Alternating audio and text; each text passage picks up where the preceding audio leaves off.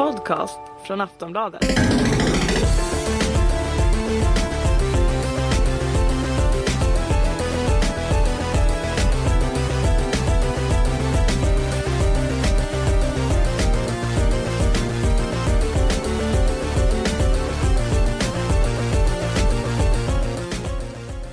Du lyssnar på Nöjesbladets spelarpodd med mig, Kerstin Alex. Jonas Högberg.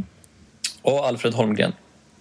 Innan vi går in på avsnittets tema eh, är jag nyfiken på vad ni spelar just nu. Eh, det blir en hel del Xbox One den här veckan.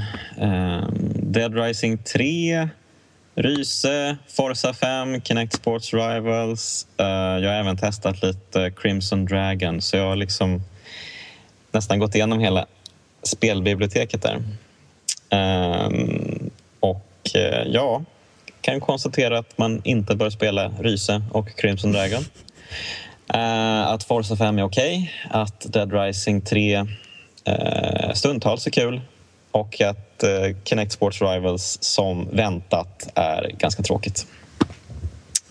Ja, det är ganska väntat. Jag spelade också Rise, säger jag. Är det fel? Ryse? Ja, men svenskt uttal förväntas väl ändå. Temat, apropå vårt tema idag. Ja, precis. Det var li li lite för uh, testosteronpumpat för, för min del. Menar du? Jaha. Ja, Brö, bröligt och linjärt. Ja. Det är lätt att göra ett snyggt spel när det är så pass liksom, klaustrofobiskt. Sen är det ju inte så rasande snyggt heller, tycker jag. Nej, ja. Nej men visst. Uh, Det är Fast väldigt det är ganska snyggt. gammalt vid det här laget så det är klart det är lite Ja. svårare att bli imponerad nu än för nästan ett år sedan när det kom först. Det jag, var känns ju, galet. Att jag det blev väldigt imponerad av uh, Rom. Det, det tyckte jag var väldigt snyggt gjort. Um, och jag blev mest sugen på ett uh, Assassin's Creed som utspelar sig i uh, antikens Rom. Eller någon annan sandlådespel. Men körde du inte Brotherhood? Uh, ja, men det var ju inte samma sak. Nej, okej. för fult. Eh, nej, men jag vill ju ha just det där att typ år noll eller något sånt där ska utspela sig och typ alla de här marmorgrejerna. Alltså, det vore otroligt kul bara att gå runt i stan och se hur det såg ut på den tiden. Ja, jag förstår. Du menar att det är fel tidsålder. Ja, precis. Ja. Inte för lite tes- testosteron. Det lär nog inte vara någon brist på det tror jag. Om det nu utspelar sig i Rom år noll så lär det finnas en del. Ja, jo men visst. Eh, Alfred, har det blivit one för din del också eller har du Ja, det, precis. att säga? Det har det blivit, men jag har fokuserat på Killer Instinct mest. Lite Forza också. Men eh, Killer Instinct som jag tycker är det bästa launchspelet och eh, ett riktigt, riktigt bra fightingspel. Men det har man ju också vetat i nästan ett år nu så det är ju gamla nyheter. Och sen har jag kört en del eh, Ultra Street Fighter 4 också. Eh, Eftersom det fortfarande är ganska färskt. kom ju i fysisk utgåva bara här om månaden nu. Mm. Ja, nej men eh, förutom Xbox One, det har också blivit så här att man eh, har spelat massvis och prövat alla titlar och sådär. Eh, och håller med Jonas på typ alla punkter. Ja. Förutom Forza, som jag, alltså jag kan ju inte bilspel överhuvudtaget. Så att, eh, jag förstår ju inte om det är bra eller dåligt. Liksom. Mm. Eh, men förutom det så igår började, började jag spela sönderhypade Destiny eh, Mm. till Playstation 4. Eh, ja, Bungies nya FPS, whatever. Ehm, och ja, jag har väl bara lirat i två timmar kanske så att jag har inte så mycket att säga om det annat än att mm, jag blir ganska förvirrad av allt nytt som kommer in och sådär. Ehm, Ja, hur menar du då? Eh, nej men alla vapenuppgraderingar och, Ah, och okej. så. Mm. Alltså normala människor skulle väl inte finna det förvirrande men för mig så här, jag får nog gå igenom spelet igen för mig själv så att jag inte skäms nästa gång jag spelar med andra. Typ. Men du gillar inte typ Borderlands och sådana spel heller då eller? Jo, jag gillar Borderlands. Det är det som är så galet. Jag förstår inte varför jag egentligen tycker att eh, Destiny är tråkigt. Mm. Nej, men jag håller ju med dig till viss del. Jag tyckte inte det var speciellt kul när jag spelade betan. Um, det, ja, men det kändes ju verkligen som Halo, och, eh, fast eh, lite, lite neddummat. Det var inte riktigt samma det var inte samma fokus på striderna som det är i Halo utan det kändes lite mer plant och att det skulle vara så här öppen spelvärld lite mer. Mm. det förtog lite av eh, glädjen. Jag tyckte att strike-uppdraget var ganska kul faktiskt. Men ehm, där hade de fokuserat mer på tre stora strider och sådär och massa okay. dynamik kring det. Liksom. Så det, det funkar ju. Men, ehm, Ja, jag, jag, tycker också att det är striderna som har funkat bra. Jag har ju kört ganska lite också och det var en förhandsversion. Men mm. eh, Bungie kan ju FPS-strider. Halo är ju typ mitt favorit-FPS någonsin, alltså originalet. Så den biten har de behärskat ganska länge nu. Men sen resten är jag inte så... Vi får se om det, om det växer med tiden för mig. Men resten av konceptet är jag inte riktigt lika taggad på. Nej, jag tror det. Alltså, jag tror att anledningen till att jag tycker det är så tråkigt är för att det, alltså, det bara är strider. Eh, och mm. inte så mycket, alltså jag hade väl ha, velat ha mer handling i det. Alltså att den är för platt, liksom tråkig. Ja, det är väldigt lite interaktion med så här iskar och sånt. Eh, Precis. Eller liksom, ja, det finns ju ingenting som... Eh, det känns ju ganska livlöst eh, allting.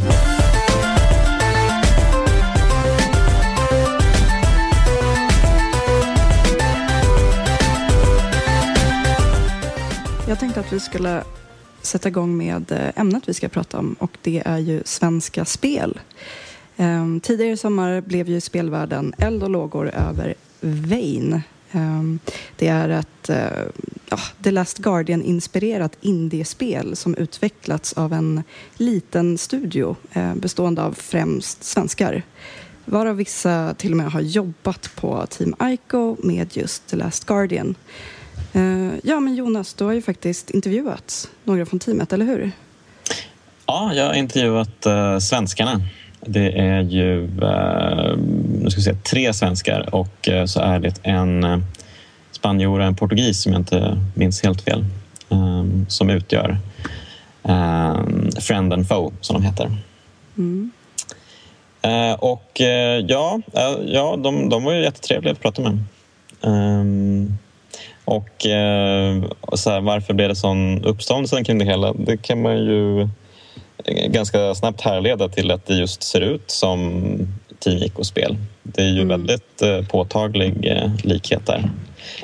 Um, vi, har inte fått veta särskilt mycket om det överhuvudtaget. Så, och eh, de hade ju inte ens några planer på att utannonsera spelet. Det var ju någon annan som gjorde det åt dem faktiskt. Um, Uh, ja, nej, men de hade, de hade skickat in spelet till olika så festivaler och sånt uh, och de tror väl själva att det var någon därifrån som bara shit, det här spelet ser ju häftigt ut. Det kanske vi skulle göra liksom, spelsajterna uppmärksamma på. Så, lite så var det ju. Så de, eh, men de var ju jätte, jätte, jätteglada över att det blivit en, en sån otrolig uh, hype kring uh, Vain trots att de typ inte har...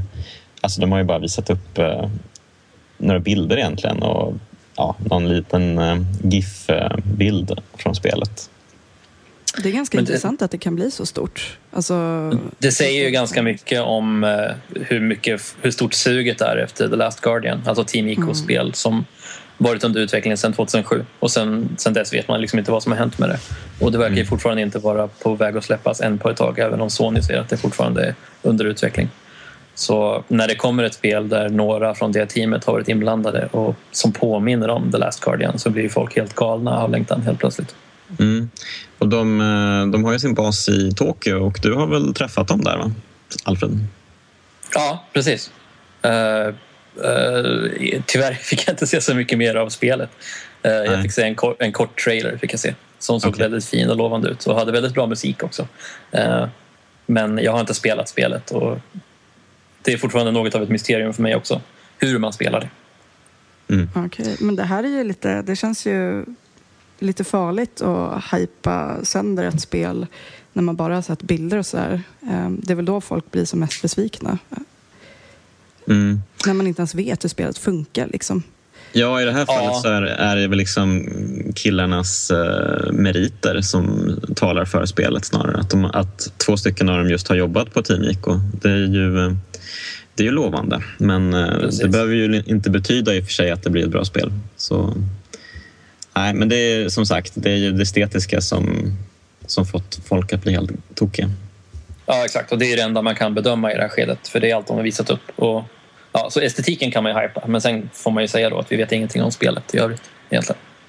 Nej men precis. Men eh, är det, är det någonting annat eh, som vi ser fram emot som ligger i spelhorisonten sådär? Eh, jag ser jättemycket fram emot eh, skånska Simogo Games eh, nya spel. Eh, vi kommer ju att prata mer om just eh, Simogo Games eh, senare i programmet. Men eh, det är en fantastisk eh, indiespelsstudio som gör spel främst för eh, iPhone och iPad. Och deras kommande spel heter The Sailor's Dream och utspelar sig på ett, ett hav där man seglar runt mellan olika öar och alltså det är ett sorts upplevelsespel mer än ett liksom, utmaningsbaserat spel. Så ja, jag vet inte så mycket mer om spelet än så. Och eh, det här är också baserat då på deras meriter, att jag är så sugen på deras nästa spel. Och de är ju så sjukt innovativa grabbarna. Alltså. Ja, alltså de är ju genier, känner jag. Eh, av det jag har spelat, eh, deras eh, spel, alltså de två senaste som kom eh, förra året eh, och som vi kommer att prata mer om, alltså herregud vilka spel. Det var ju två av de kanske fem bästa spelen som släpptes förra året. Absolut. Mm. Så med det sagt så ser jag jättemycket fram emot The Sailor Stream. Eh, Alfred, vad ser du fram emot?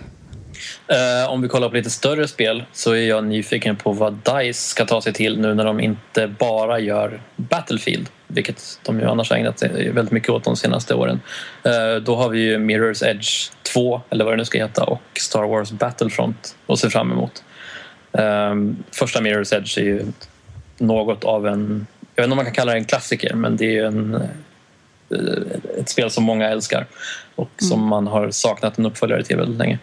Sen ska det bli spännande att se vad Machine Games gör efter att det har gått åtminstone ganska bra för det här Wolfenstein, The New Order. Och eh, även under 2015 så har vi ju The Division, eh, Massives online-spel som de gör för Mm, Ubisoft Just det. Just och ser fram emot. Ja, det är Just ganska det. mycket. Wolfenstein gick ju till och med bra i Japan. va? Det var ju lite oväntat. Det- Ja, Xbox, Det var med på tio, alltså topplistan, eh, tio topplistan där. ja, precis. över Eh, sen är det lite olika från version till version för Xbox One släpptes i Japan samtidigt som i Sverige så att Ja, den versionen kom hit bara för några dagar sedan. yes, och den lär väl ingen köpa. Men, eh, PS4-versionen då? Mm. Ja, nej, men man kan ju verkligen säga att den svenska spelbranschen fortfarande ändå växer så att det knakar och vi ligger ju bakom Eh, en hel del storspel som Battlefield-serien, Minecraft och Candy Crush Saga till exempel. Eh, när började ni ana att Sverige skulle få en sån viktig roll i spelvärlden? Uh, ja, jag kan ju bara tala för mig då, men uh, eftersom Battlefield alltid har varit helt ointressant i mina ögon så var det först när Chronicles of Riddick släpptes som det gick upp för mig att eh, svenska utvecklare faktiskt var på väg att göra sig ett namn i världen. Liksom. Och det här var i mitten på 2000-talet. Eh, och spelet hyllades ju världen över för sin design, för sitt berättande och eh, för sin härliga action. Och det kändes ju liksom, och sen när jag fick spela det så kändes det ju verkligen som ett... eh, Det var både ett kul actionspel men det kändes också aningen mera, eh, vad ska man säga, intellektuellt. Ja, inte, det var inte riktigt på det sättet heller men det kändes lite mera finessfyllt än andra, andra actionspel, andra första personsskjutare. Så eh, redan där så kände man ju att det fanns en, eh, ett visst framtidshopp för svenska spel. Eh, men i övrigt, om man liksom går tillbaka i tiden och tittar så har ju svensk spelutveckling varit en ganska perifer grej. Um, Dice slog ju igenom med eh, Pinball Dreams pinballspel på 90-talet men det var ju liksom ingenting som fick någon stor uppmärksamhet på något sätt. Eh, förutom pinballfansen som tyckte det var skitbra. Ehm, och eh, om vi går ännu längre tillbaka i tiden så är det väl liksom stugan som fått eh, mest uppmärksamhet. Det här märkliga äventyrsspelet ehm, som faktiskt utvecklades redan på 70-talet av tre barn på på eh, den här gamla superdatorn, eh, jag tror den heter Oden, på Stockholms datamaskincentral. Ja, ni hör ju liksom hur knasigt hela det här låter. Liksom. Eh, och jag tror att de här barnen de var inte mer än högst 14 år gamla liksom, när de utvecklade stugan. Men det liksom släpptes ju inte publik då. Det var ju först senare på 80-talet efter att någon hade skrivit en artikel om spelet i flygtidningen Upp och ner. Som någon fick för sig att hallå där, ett svenskt spel, det måste vi släppa. Och då dök det upp till hemdatorer. Så det är lite kort om den svenska eh, spelhistorien. Den är väldigt, väldigt mager. Men det är ju liksom först på senare tid som det verkligen börjat, som vi börjat ta oss ton. Ja, var, det, var det ett rött hus med vita knutar eller? Mm, mm, absolut. Men det var lite textäventyr i stugan, var det inte så? Eller hade ja, det någon form av ASCII-illustration? Uh, ja, precis. Man kunde ju, när det släpptes så fanns det ju en, liksom, box då, så man kunde se att stugan var röd. Mm. Men ja, det var ett textäventyr. Okej. Eh, Alfred, när började du märka? Ja, alltså det klyschiga svaret är ju att eh, Eh, samtidigt som Battlefield 1942 blev en succé. Men på den tiden var ju svenska spel fortfarande ganska sällsynta och svenska succéer var ju ännu mer sällsynta. Så det liksom handlade ju bara om enstaka studior på den tiden. Så för min del har det nog varit faktiskt de senaste åren. När det dels gått så enormt bra för Battlefield, alltså långt, långt bättre än tidigare. Och dessutom har vi haft just Minecraft, eh, Payday 2, Eh, Hotline Miami på indiefronten och en lång, lång rad hyllade svenska mobilspel. Typ Simogos eh, olika mästerverk som ni pratat om. Men sen även mer renodlade casual-spel som Russell och Candy Crush Saga. Och sen som vi sa förut så har vi storsatsningar som The Division och Star Wars Battlefront och ser fram emot. Ja, beroende på hur bra de faktiskt blir i slutändan. Men nu har det liksom exploderat på en sån oerhört bred front så det känns som att i alla kanaler är svenska spel liksom maktfaktorer. Och annat var det ju för 10-15 år sedan när det var så här någon gång ibland kom det ett svenskt spel som blev uppmärksammat. Nu känns det som att det händer många gånger per år och liksom utan undantag. Mm. Ja, nej men verkligen. Alltså för min del så kom det verkligen smygandes. Eh, jag minns eh, ja, Kula World till Playstation. Vem glömmer det liksom, om man har spelat Playstation? um, nej men man styr en boll i miljöer som leker med gravitation och uh, sådär. Men att det, det verkligen kom som en chock när en kompis berättade att det var just svenskutvecklat. Jag kommer inte ihåg vilket år, eller ungefär när släpptes det här spelet? Har ni 96 kanske, något sånt. Ja, så att uh, mitt världsperspektiv var inte så brett när jag var sju. Liksom. Mm. Eh, men men alltså, det kan fortfarande vara så idag just eftersom eh, spel kan verka så himla amerikanska till exempel. Att det fortfarande blir så här, va? Ett, är det här svenskt? Nej. Eh, så att eh, än idag kan jag bli förvånad innan jag tar reda på vilka utvecklarna är och sådär.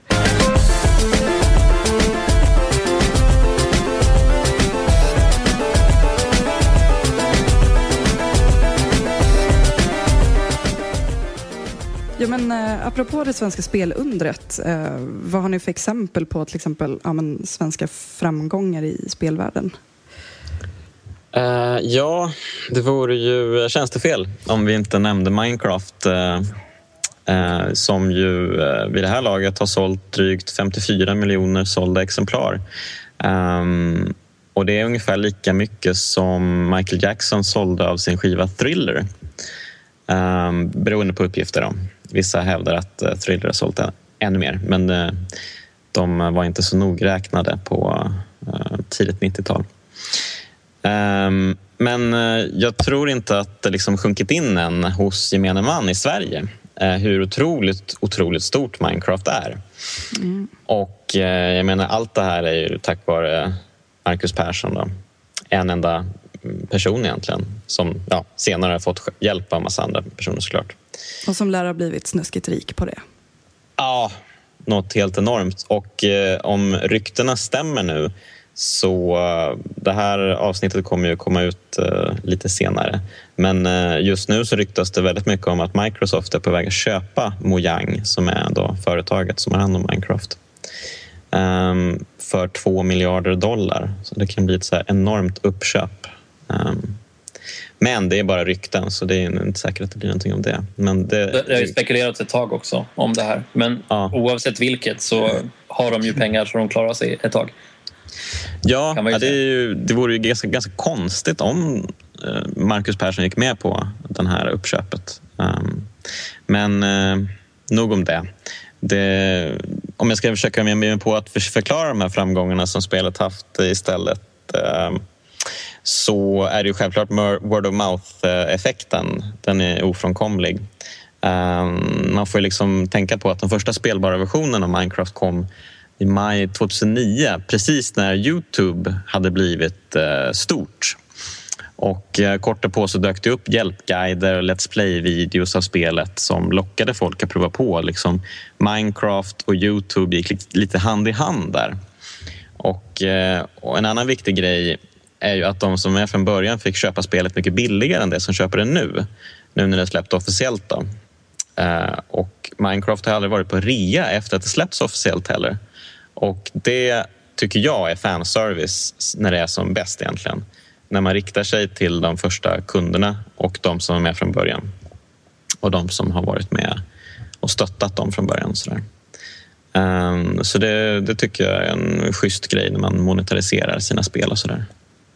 Det är Ehm. intressant också att om, om succén gick hand i hand med Youtube att de har haft ungefär samma värdeutveckling då. Om nu Minecraft värderas till två miljarder dollar helt plötsligt. Mm. Det är ju rätt svindlande alltså. Ja, det är sjukt. Shit. Ja, verkligen. Men eh, ja, apropå Youtube så det är svårt att inte nämna eh, Felix Kjellberg som mer känns som ja, Pewdiepie vid det här laget. Ehm, som har gjort sig känd på att spela in videos där han ja, skriker när han spelar skräckspel. Ehm, Bland annat när han har lirat just svenska Amnesia. Ehm, Ja, nej men, ja, och det här med att vara snuskigt rik. Han drar in cirka 4 miljoner dollar per år sägs det på reklamintäkter och har nu över 30 miljoner följare eller någonting. Så att där kan vi verkligen snacka succé. Han är väl störst på Youtube? Ja, men det är han. Ja, Ja, precis. precis. Han är störst. Um, Rihanna och uh, Beyoncé ligger väl i svallvågorna där. Liksom. Ja, och Justin Bieber. Precis. Ja, Justin Bieber, precis. Det är väl de som är uppe i toppstriden men Pewdiepie har väl dragit ifrån ganska nyligen tror jag. Ja, det är ganska Mm. intressant att man kan bli så stor av att spela spel. Ja, men det är också intressant, alltså reaktionerna tycker jag på Pewdiepie. Det är många som älskar honom uppenbarligen eftersom de prenumererar på hans kanal. Eh, så de vill ha mer av honom hela tiden. Men om man jämför med Marcus Persson så är han ju mycket mer kontroversiell bland liksom många andra hardcore-spelare. Det är ju många som tycker att han bara är en flamsig idiot som sitter och liksom tjafsar och som inte förstår alls hans framgångar. Eh, så han, är, han har ju inte riktigt samma cred som Marcus Persson. Eller han har ju förstås det bland sina egna fans men i de breda lagren i spelbranschen så är det väl många som ställer sig frågande eh, och i vissa fall till och med hatande till det här Pewdiepie-fenomenet. Mm. Ja, just men visst. Absolut. det är inte alla förunnat att få sommarprata i radio heller. Så um, det, det märks ju att han liksom han har ju blivit uh, känd bland vanliga svenskar också. Körde inte han sitt sommarprat på engelska? Ja, både och. Både svenska och engelska. Ja. Så det fin- finns en internationell version som alla fans kan lyssna på. Ja. Eh, Alfred, har du några exempel?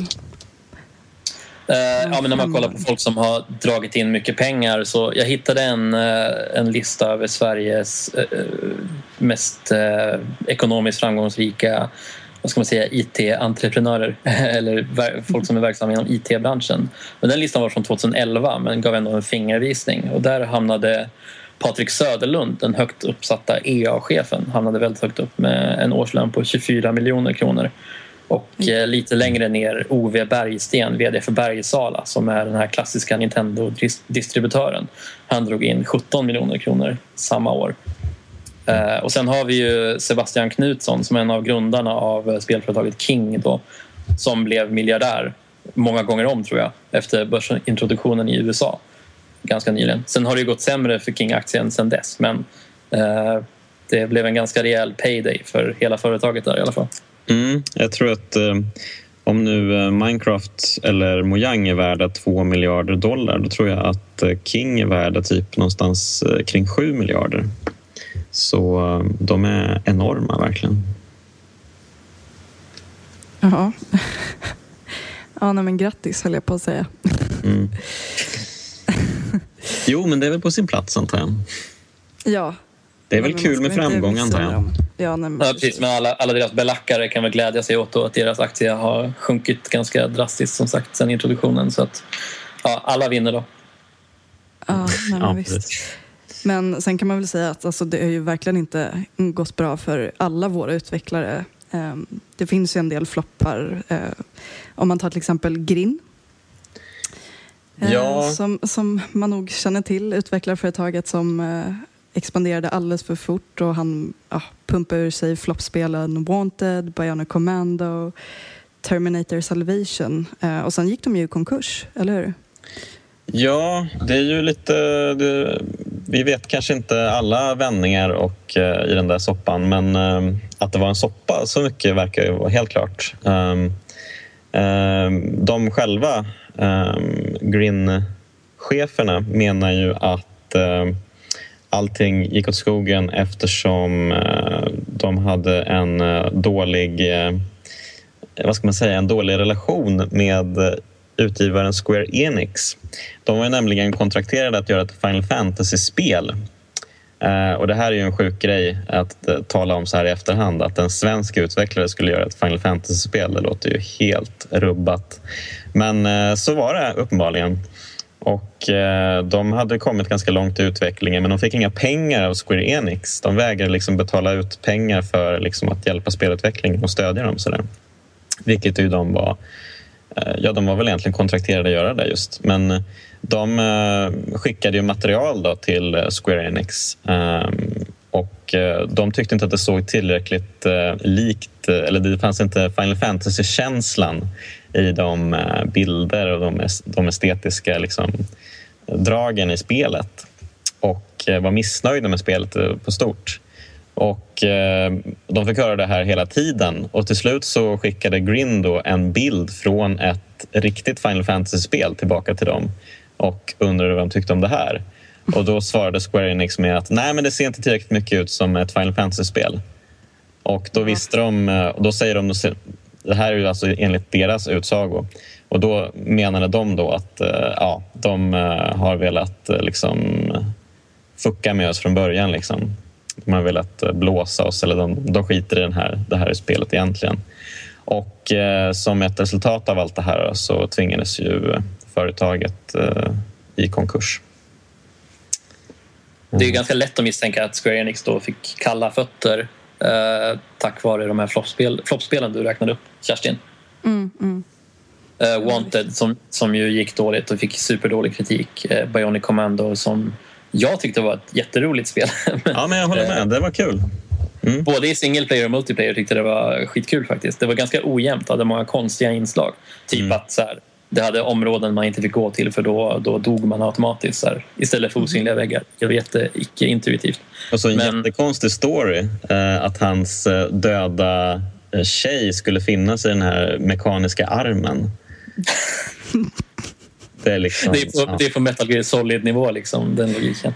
Ja, det är ju faktiskt det. Det måste ju vara en direkt eh, hänvisning. Ja, jättekonstigt. Det fick ju ganska blandat mottagande. Det var inte alla som gillade det lika mycket som du och jag, Jonas. Och det sålde ju under förväntan. Och sen eh, Terminator Salvation som ju inte alls gick bra. Som var ganska kastspel. Mm.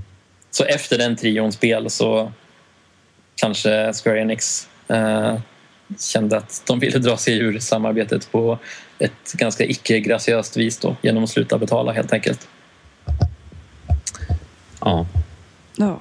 Eh, har, ni några. Ja. har ni några fler exempel på spelfloppar? Eller?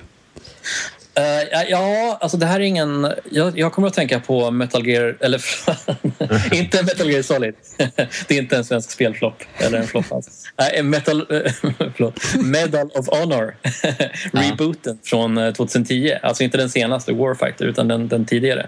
Som utvecklades till hälften av DICE. De gjorde multiplayer-komponenten.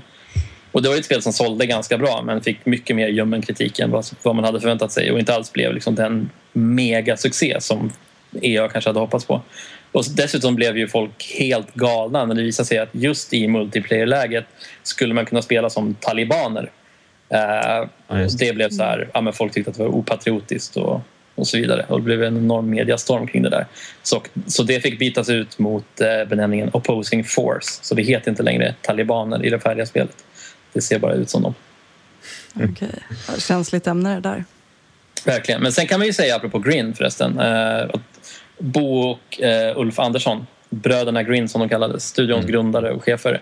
De fick ju lite revansch, eller ganska mycket revansch sen när de startade Overkill Software och släppte Payday-spelen som det ju ja. gått extremt bra för. Payday 2 är en jättesuccé som även eh, har konverterats till eh, konsoler från PC då. Mm. Så pass mycket sålde den. Och dessutom ska de då göra ett Walking Dead-spel i framtiden. Okay. Ja, det är ju intressant. Det ska bli någon sorts uh, co-op-grej uh, då, man ska försöka överleva tillsammans. Ja, precis. Man blir lite så här...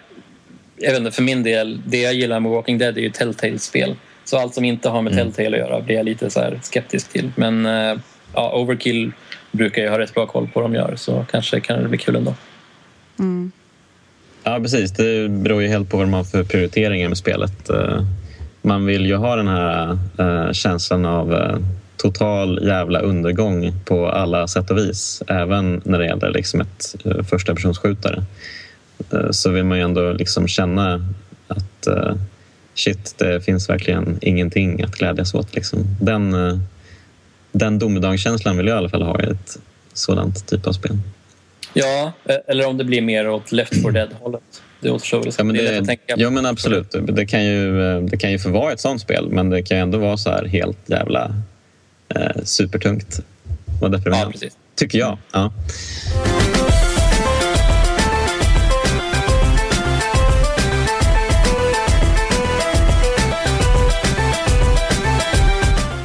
Om vi ser till typ alla spel vi har nämnt hittills, förutom något enstaka, så är det ju typ ingen av dem som andas svensk kultur och historia. Um, och jag tycker mig kunna se samma mönster i annat vi producerar, ja, till exempel musik. Uh, även fast vi, vi är väl fortfarande en av världens största musikexporter, till exempel. Mm, ja. Uh, men ja, uh, varför tror ni att svenskar är så identitetslösa i den kulturen vi producerar. Uh, ja, ja, kör du Alfred. Uh, jag håller med om det du säger om det svenska musikundret. Uh, mm. Det finns ju folk som tycker att låtar som skrivs och produceras av svenskar att de har ett visst tydligt sound och ett tydligt tänk när det gäller melodin och sådär. Men det är inte så att folk i allmänhet kan liksom peka ut en Lady Gaga-låt och säga att ah, den här låten är skriven i Sverige. Eh, och jag tror att det här gäller ju svenska spel i allra högsta grad och jag tror att orsakerna är typ de samma, nämligen att vi har liksom hela tiden influerats av internationella succéer och vi kan bra engelska i Sverige så det finns liksom ingen tröskel för engelskspråkig kultur att ta sig in i Sverige. Eh, så det är nog rätt självklart att de succéerna vi importerar följer av sig på det vi sen exporterar i samma genre. Eh, speciellt när syftet är att slå internationellt, vilket det ju är med mycket svensk musik och eh, med svenska spel. Och liksom hela spelvärldens vokabulär har ju byggts upp i länder som USA och eh, Japan, inte i Sverige och Europa för det mesta. Precis. Mm, precis. hela, alltså, hela, mm. ja. Hela, hela spelmarknaden är ju alltså hela spelmarknaden är ju internationell. Det finns ju ingen Eh, Eh, alltså för specifika regioner nästan. Det är ju, eh, allting ska ju ut till så många som möjligt. Eh, men det kanske det kan bli ändring på i framtiden. Det skulle ju vara kul. Ja men verkligen. Men sen så är ju Sverige ett, och har varit väldigt länge ett väldigt progressivt land. Um, om man ser till hur, hur, radikalt vårt språk har ändrats till exempel. Uh, jag minns alltså tidigare kungar och sådär har ju varit väldigt pigga på att eh, ta in engelska och franska och tyska lånord. Um, och efter industrialismen bland annat så känner jag att eh, vi har pushat väldigt mycket framåt och nästan glömt bort oss själva. Eh, ja, det, det, är väl det jag har fått för mig i alla fall. Mm. Men, eh, Men ja. Ytterligare en förklaring är ju om man bara kollar på spelen eh, så om man kollar på Battlefield, alltså vi har ju pratat om DICE och Massive och Machine Games och sådana studior som antingen ägs av eller liksom kontrakteras av stora internationella utgivare. Och då är det ju inte som att de på egen hand kan göra ett spel som känns helt svenskt utan de måste göra någonting som utgivaren är nöjd med. alltså den som finansierar utvecklingen. Så att det. det, det är ju inte... Dels är det väldigt stora team som gör de här spelen och dels så har de en utgivare att ansvara inför. Så att det är inte som att någon bara kan bestämma helt plötsligt. Ja, men vi gör ett spel som känns assvenskt med massa röda stugor med vita knutar och dalahästar. Liksom. Mm.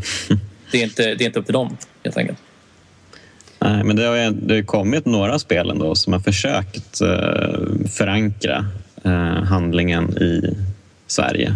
Jag tänker på Yearwalk och eh, Brothers känns ju också så här lite nordisk, nordiska skogar och sådär. Sen var väl det här spelet Krater också. Det var väl typ också utspelat sig i, i Sverige efter alltså en postapokalyptisk version. Ja, just det. Det är faktiskt sant. Men det var ju också lite, det är spel i lite mindre skala. Mm. Men, så att man skulle kunna säga att det, det ändå finns något slags intresse för svensk kultur på den internationella spelmarknaden ändå. För de har väl blivit ganska stora utomlands, inte bara i Sverige. Ja, men Yearwalk hyllades ju världen över och fick ju massa priser och sådär. Så det absolut. Och Brothers fick, det fick väl också något, något pris på... eh, vad heter den nu? Var det Bafta? ja, det var Ja. nog Bafta, ja. Mm, precis. Bästa Xbox-spel eller något sånt där. Konstig kategori. eh, Ja, just det. För, eh, vad var det? Det kom före GTA och Tomb Raider. Typ. Ja, just det. Det var många, som blev, många blev väldigt upprörda och det var roligt. Ja. Eh, men det är ju skönt att vi inte för en gång skulle inte bara koppla samman med ja, men stora bröliga vikingar eller blonda bikinitjejer. Liksom. mm, mm. Ja, eller Battlefield. Ehm, men vad krävs för att eh, klimatet ska ändras och spelföretagen ändra fokus i sin anställningsprio och sådär? Eh, jag tror, att, jag tror att det är viktigt att vi förser spel med samma sorts eh, kulturstämpel som i alla fall film har.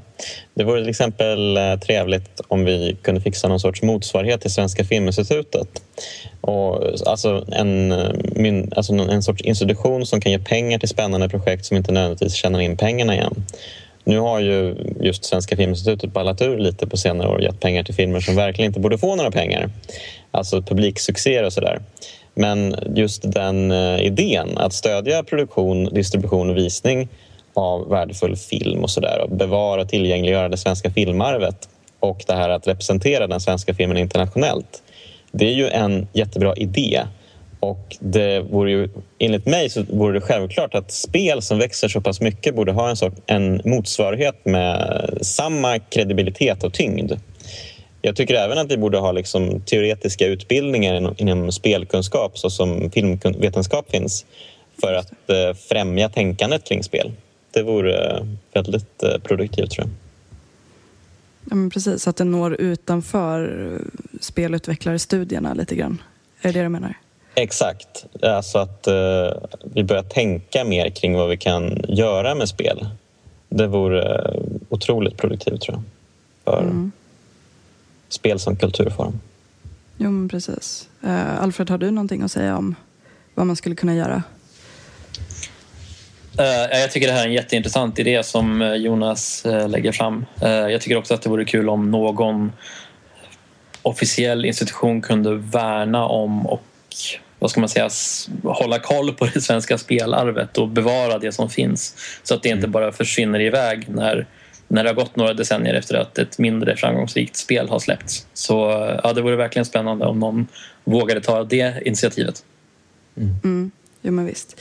Eh, ja, en sak som jag är nyfiken på det är ju om det finns, alltså om ni har några exempel på till exempel svenska karaktärer i ja, men både svenska och utländska spel, men kanske framförallt utländska spel. Uh, ja, okej. Eh, jo, um, jag tänker rent spontant då på ehm, um, Terranigma. Ett uh, gammalt japanskt rollspel som släpptes till Super Nintendo. Um, och I det spelet så träffar man på en uh, upptäcktsresande som heter Hedyn. Och eh, som är en ganska, mm, alltså det är en direkt hänvisning till den svenska upptäcktsresanden Sven Hedin. Och eh, alltså de, de är egentligen, det är samma karaktär egentligen, eller det är samma typ av person, bara att man bytt ut Y mot I. Och Det är jätteintressant att man faktiskt slänger in historiska personligheter. Det finns många sådana exempel i just det här spelet på andra historiska prominenteter och sådär. Ehm, och det är ju kul. Det hade varit kul att se mer i spel, alltså svenska historie, mm, alltså svenska historiska personer som eh, Ja, vem vet, vi kanske får se något sånt i Assassin's Creed eh, som släpps nu. Franska revolutionen. Jo, det är trevligt när de får någon slags historisk kontext än att man ja, till exempel så väl märker att folk har satt namn på svenska karaktärer som kanske inte riktigt de, de kan ju lätt få extremt så här, osexiga namn. Eh, som till exempel Petra Johanna Lagerqvist från Arcana Heart 2. Eh, vi har ju Mattias Nilsson, allting ska ju sluta på son, eh, från The Mercenary-serien som faktiskt ändå röstskådespelas av Peter Stormare. Så det är ändå så här, sm småkul, även om han inte pratar svenska, va? utan det är engelska. Ja, plus att det är ganska tråkigt sammanhang, Mercenary-serien. Ja. Mm. ja, men precis. Ja, vad tråkigt. Uh, men så har vi ju uh, Lars Alexandersson också. Och jag vet ju, Alfred, du har ju spelat en hel del tecken. Ja, precis. Alltså, Lars Alexandersson är ju mer eller mindre hjälten kan man väl säga i, i Tecken 6, eller en av dem i alla fall. Och han tillhör då, då den här klanen som hela Tecken-storyn handlar om och är då en son till Heihachi Mishima som är liksom eh, själva gudfadern för Mishima-klanen. Eh, men det roliga med honom är att ja, man får väl anta att han har en svensk mamma då för han anses vara en svensk karaktär i någon mån. Men hans pappa är ju då japan och han pratar bara japanska i spelet. Och han ser inte svensk ut utan han, ja, han är i och för sig... Han har typ vitt, ja, vitt hår eller något, något åt det hållet. Inte, inte så här super tydligt vilken hårfärg det ska föreställa. Och går runt i någon slags japansk rustning med någon mantel och grejer. Så det är så här asfreaky. Det enda tecknet på att hans svenska arv är då att han heter Lars Alexandersson. I övrigt nämns det liksom inte alls. Och det tycker jag är ganska så här, eh, det säger en del om hur svenska karaktärer behandlas. Åtminstone i japanska spel. Vi har ju även Chris i King of Fighters. Det är exakt samma sak där. Liksom en karaktär som jag hade ingen aning om att han var svensk. Jag bara råkade se det på, på någon sida helt plötsligt för ett tag sedan. För jag har spelat King of Fighters ganska länge och aldrig slagit med att han skulle kunna vara svensk överhuvudtaget. Han är ju bara ännu en så här färgglad japansk slagskämpe i mängden. Liksom. Mm. Ja, precis. Det är ju sällan man märker av någon sorts eh, karaktär i, i de här eh, i karaktärerna. Men jag, jag tänker på uh, Jesper i Table Tennis. Ja, han, han, känns ju, han är ju väldigt rolig. Alltså, han ser ju så jävla arg ut. Och liksom, han, han, har verkligen, men han har verkligen det här svenska utseendet också. Så det, det är liksom... Det är kanske den bästa representationen vi, vi kommer få. Liksom. Men det är ganska rättvisande också i ett bordtennisspel. Ja. Men är sen är det ju rätt kul att, att eh, Rockstar, GTA-studion, har skapat en svensk karaktär. Det, det tycker jag är lite Mm. Det är lite eh, charmigt ändå. Men eh, ytterligare en av de flamsigare varianterna om man kollar på fightingvärlden är en som heter Marie Rose i Dead or Alive 5 Ultimate som är liksom en 18-årig gothic Lolita-filur vars favoritmat är prinsesstårta. Så mm. där har åtminstone någon svensk koppling. Det står liksom så här. Den svenska efterrätten, prinsesstårta, det är det hon älskar att äta mest. Och tydligen har hon också gjort sig känd för att vara en av de mindre sexualiserade karaktärerna i Dead or Alive. Inte för att det säger så jättemycket, men det kan man ju se som eh, ja, en positiv egenskap till. Men i övrigt känns hon väl inte supersvensk kanske. Nej, alltså jag kommer bara tänka på just det här med att eh, Lars Alexandersson är, skulle vara halvsvensk och sådär så kommer jag bara snabbt att tänka på mig själv som ändå har, även, alltså jag är halvfilippin, eh, ser inte filippinsk ut, har ett svenskt namn, pratar bara svenska och sådär. Så att jag bara tänker mig hur han kanske inte har någon kontakt med sin mamma och kanske är uppväxt i Japan och sådär.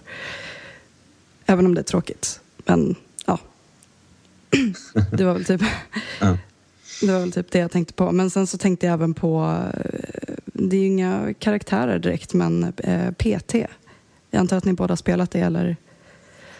Ja, jag orkade dock inte klara det.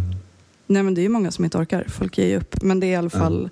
sägs ju vara, eller om det är också världens första interaktiva teaser uh, för ett spel. Som, alltså det visade sen, sig sen när folk hade varvat det att det var för Silent Hill, alltså ett Silent Hills eh, spel. Eh, och kommer vara ett samarbete mellan Guillermo del Toro som är eh, filmregissör och bland annat gjort eh, Pans labyrint.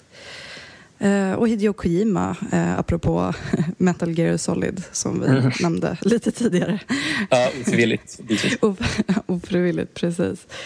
Um, nej, men om man springer runt i ja, ett hemsökt hus, så här, runt, runt, runt i samma korridor i princip. Det upp, upprepar sig, men det är alltid nya läskiga saker som händer. Det är ett, uh, ja, en skräckteaser då. Uh, men bland annat så sätts det igång en radio där um, ja, programledaren eller radiovärden snackar på svenska. Vilket mm. jag inte uppfattade först. Faktiskt. För att jag, jag var, hade så bråttom med att bara springa iväg för att det var så läskigt. Typ. ja, det är, ju, eh, det är en ganska rolig radiosändning. Eh, det är någon eh, gammal, eller någon knarrig gammal röst som pratar om eh, typ eh, vad många anser vara liksom Orson Welles klassiska radiosändning om eh, världarnas krig från 30-talet att den, den ska vara sann. Att uh, utomjordingarna är bland oss. Uh, som om det här vore Carpenter-filmen They Live. Liksom. Att, uh, ja, de styr oss och uh, är våra herrar. Men att om man joinar den här snubbens mästare så ja, då kan man freda sig mot utomjordingarna. Det här får mig lite grann att tänka på, vad heter det, apropå Riddick som du nämnde förut Jonas, det första Riddick-spelet. Där mm. finns det en liten hemlig avdelning som man kan hoppa ner till vid ett tillfälle i det här fängelset man ska fly ifrån. Och så kan man ringa på lite olika dörrar som jag tror ska för, eh, föreställa att de tillhör vakterna i fängelset. Och ingen öppnar men man får så här meddelanden genom något slags kommunikationssystem då de svarar på jättedålig svengelska. Så här, mm. astöntiga fraser på avsiktligt dålig engelska lite så här, eh, också ett eh, svenskt påskägg. I och för sig ett svenskutvecklat spel den gången men ja. en liten hint om varifrån det kom i alla fall. Ja, men det är kul. Uh, det, det, finns ju, apropå just svengelska, så finns det ju någon sorts uh, halvvariant i Magica också. Det, ja. ja, som ju är ett svenskt spel också. Som ju är ett svenskt spel, precis.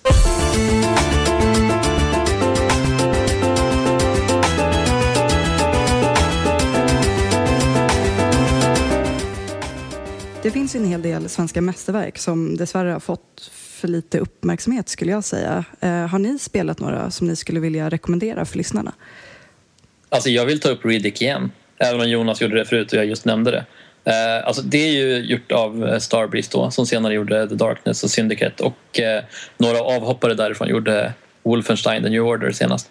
Eh, och sen gjorde ju Starbreeze ytterligare ett Riddick-spel, Assault on Dark Athena, som var mycket sämre. Uh, och Butcher Bay, det kom, eller ja, hela titeln är uh, The Chronicles of Riddick Escape from Butcher Bay. Det kom i mitten av 2004, så det är ett tag sedan. Det fyllde tio bara här månaden. Och på den tiden var det liksom, jag vet inte hur mycket ni minns, det var ju en sån chock hur snyggt det var och hur polerat. Ingen begrep hur det här spelet kunde komma liksom från en okänd, en mer eller mindre okänd liten svensk utvecklare. Och mm. som Jonas sa förut så hade det liksom ett väldigt innovativt upplägg. Det kändes mer sofistikerat än ett vanligt FPS. Det var mycket att man skulle smyga men det var också ganska hårda och välgjorda eldstrider och ett lite rollspelsliknande upplägg där man liksom kunde ta så här sidequests från olika karaktärer i den här oväntat stora sammanhängande spelvärlden. Uh, och jag tycker att det är lite oförtjänt att det har nästan fallit i glömska sedan dess. Och att det fick en sån eh, medioker uppföljare. Så det, det råder jag alla som har tillgång till eh, en PC, eller en Xbox, eller en 360 eller en PS3 att spela. Ja, jag, jag kan bara instämma. Um, uh, det finns ju många spel. Alltså, Amnesia såklart, det har vi varit inne på också. Det tycker jag definitivt, om man inte spelat det, att man ska kolla in. Uh, det är kanske ett av de tre bästa skräckspelen genom tiderna. Um, och, ja, det är ju det här jag älskar med, med eh, skräckspel nu för tiden. Att man ofta inte får några vapen, att man måste, um, ja, att man måste ta sig an allting utan något skydd egentligen. Att man ska springa ifrån skräcken snarare än att uh, skjuta den i ansiktet. Eh, det är ett fantastiskt spel på så sätt. Men jag skulle även vilja tipsa om ett spel jag faktiskt aldrig har spelat. um, anledningen till att jag aldrig har spelat det är att det är ett eh, online-rollspel och det har verkligen aldrig varit min grej. Men om jag någonsin skulle få för mig att spela ett online-rollspel så skulle jag vilja spela uh, ett som heter Love och uh, som i princip har utvecklats av en, en enda kille som heter Eskil Stenberg. Och det ser verkligen helt fantastiskt ut. Det ser ut att ha målats med vattenfärger och så påminner det om impressionistisk konst. Och så går det ut på att eh, samarbeta med andra spelare och eh, bygga upp en boplats tillsammans i en vacker och vidunderlig värld. Uh, apropå, ja. apropå svenska, bortglömda svenska spel med Love i titeln så vill jag bara mm. slå ett slag för Noitu Love 2. Är det någon av er som har kört det? Nej. Ja, jag har testat den Eh, Joakim Konjak Sandbergs enmansprojekt som är liksom en pixlig metal slug slash kontra-inspirerad shooter som, till PC då, som kom för, ja det var väl omkring tio år sedan det med och som var jätte, jättebra och massa roliga referenser till andra spelserier, Zelda och Castlevania och så vidare utöver shooters och eh, jättebra musik och ascharmig eh, grafisk design så det tog mig också med storm när det släpptes där. Uh, och sen skulle jag bara vilja nämna i förbifarten Rally Sport Challenge 2. DICE gamla rallyspel uh, som också släpptes 2004, tydligen en guldålder för mina svenska favoritspel som var väldigt snyggt och otroligt varierat och hade jätte, jättebra motorljud. Uh, och extremt kul att köra både i singel och multiplayer. Ett av mina favoritracingspel någonsin faktiskt. Så jag är lite deppig över att de fortfarande inte har utannonserat en trea mer än tio år senare. Ja, eh, nej men det, ni har nämnt en hel del grejer som jag faktiskt inte har testat så att jag får väl eh, sätta mig ner. Jag blev väldigt sugen på Riddick faktiskt. Jag har inte, Jaha, du har inte kört det? Nej, jag har ju inte det. Ja, det är superbra. Jag har kört igenom det flera gånger faktiskt. Eh, senast för bara några år sedan när det släpptes en ny version. Jag tycker fortfarande att det håller jätte, jättebra. Ja, men vad bra. För att det är väl det viktigaste. Precis, och man ser ju framförallt hur innovativt det var. Alltså det har några frustrerande bossfighter och sånt där och lite svåra passager men man ser verkligen vilken enorm vision de hade för det spelet och hur mycket de lyckades ro i land trots allt. Ja, ja men visst. Eh, men jag har faktiskt två indiespel att rekommendera. Det, de får ju ganska sällan uppmärksamhet eh, på samma sätt som AAA-titlar får.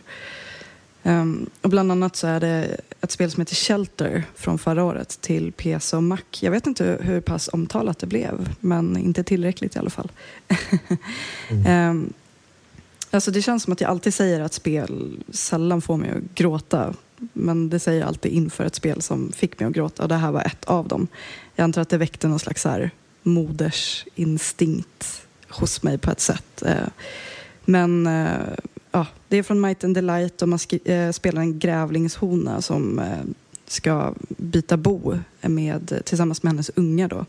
Eh, och man ja, springer runt i skogen och försöker ha koll på dem och eh, ge dem mat så att de överlever och försvara dem från rovdjur och, och skogsbränder. Och det är lite allt möjligt. Och det gör liksom så ont i, i hjärtat när eh, någon av dem försvinner. Jag minns första gången någon unge försvann. Det var att det var natt liksom och jag hade koll på hur många ungar jag hade men plötsligt såg man ingenting.